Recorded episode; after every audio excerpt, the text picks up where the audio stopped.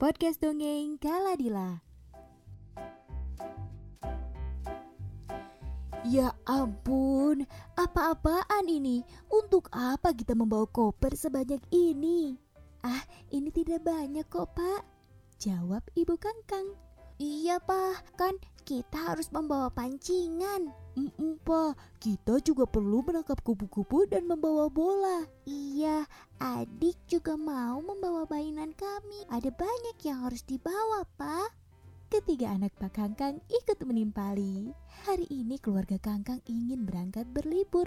Tapi ketika Pak Kangkang melihat tumpukan koper di ruang depan, ia malah terkejut dan tidak setuju dengan apa yang ia lihat. Tetapi karena istri dan anak-anaknya kelihatan gembira, akhirnya ia diam saja dan memasukkan semua koper itu ke dalam mobil.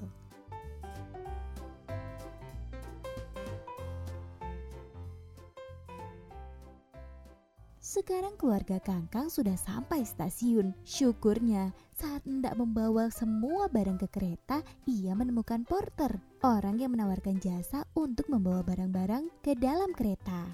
Dengan mudah semua teratasi dan akhirnya sekarang keluarga Kangkang sudah masuk di dalam kereta. Karena perjalanan jauh, mereka oh, merasa ngantuk dan akhirnya mereka pun tertidur. Hingga sampailah mereka di kota ramai. Mereka harus berganti kereta. Tapi sayangnya, di sana tidak ada porter. Terpaksa, Pak Kangkang mengangkat sendiri semua barang-barang yang mereka bawa. Nah, lihat sekarang, kita repot sendiri harus membawa koper sebanyak ini. Gerutunya. Ketiga anak-anaknya mendengar gerutu Pak Kangkang langsung membantu. Tapi sayang, kan anak mereka masih kecil, mereka malah mengacau, tidak membantu dengan baik.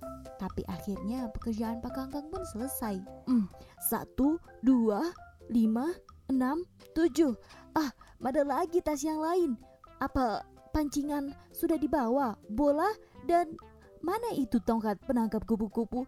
Ah, banyak sekali, ungkap Pak Kangkang kebingungan.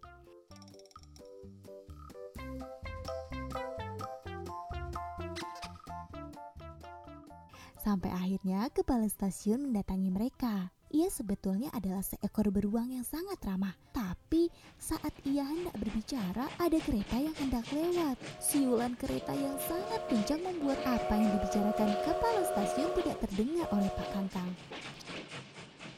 Jadi Pak, apa yang dikatakan oleh kepala stasiun tadi? Tanya Ibu Kangkang. Dia bilang kita masih punya waktu untuk makan siang, jadi kita makan siang dulu saja, kata Pak Kangkang kepada keluarganya. Maka keluarga itu meninggalkan barang-barang mereka di peron, lalu mereka berjalan ke kantin stasiun untuk makan siang. Wah, menyenangkan sekali ya Pak liburan macam ini, kata Ibu Kangkang. Pak Kangkang hanya memandang keluar, tapi tiba-tiba dia berteriak teman-teman sambil menunjuk ke arah peron. Wah, wah, tidak bisa. Itu kereta kita. Kereta kita sudah berangkat. Wah, kenapa bisa begini? Ibu Kangkang yang ikut panik langsung menuju kereta lainnya. Itu pak, itu masih ada kereta lain. Kita naik kereta itu saja. Ungkat Ibu Kangkang. Baik, ayo anak-anak, cepat. Kita harus buru-buru. Dan akhirnya Pak Kangkang tanpa bertanya ke mana tujuan kereta itu langsung mengangkat barang-barang mereka ke dalam kereta. Setelah barang-barang itu masuk, mereka pun langsung naik sendiri.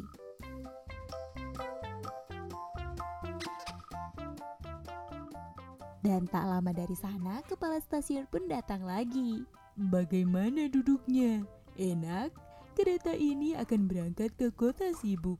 Katanya. Apa? Ke kota sibuk? Tapi kita baru saja dari sana. Wah, kalau begitu kita salah naik kereta, Bu. Ungkap Pak Kangkang. Kalau begitu, kalian memang salah naik kereta. Cepatlah kalian turun lagi. Kereta sudah hampir berangkat. Pak Kangkang tanpa pikir panjang langsung membawa satu dua tiga koper dan turun sambil berseru, semua harus membantu. Cepat-cepat bawa koper, pancingan, juga penangkap jaring kupu-kupu. Semua harus dibawa. Dan di saat semua sibuk, tiba-tiba bola anak Pak Kangkang menggelinding dan jatuh di atas topi Ibu Kangkang. Akibatnya topi yang indah itu menjadi rusak.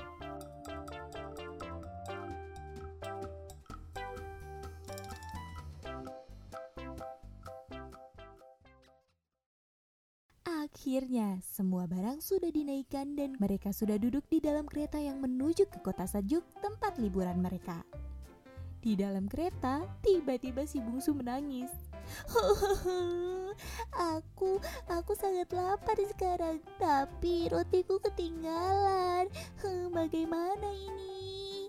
Kakaknya hanya duduk diam saja, dan si sulung juga sebenarnya ia sangat senang untuk naik kereta tapi dia tidak berani berbilang apa-apa sebab yang lain wajahnya sudah bermuka masam.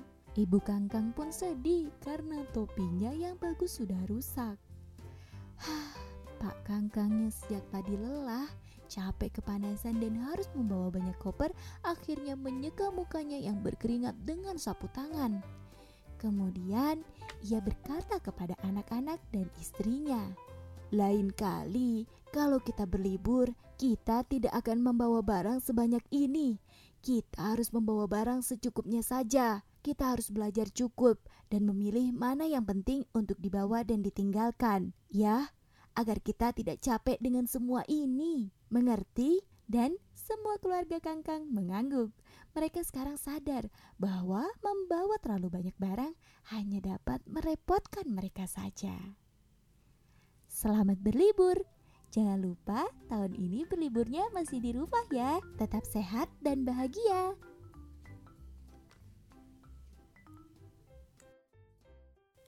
Dongeng ini disadur dari salah satu cerita dari buku kumpulan dongeng binatang 200 kisah dari berbagai penjuru dunia karya Anna Marie Dalmais.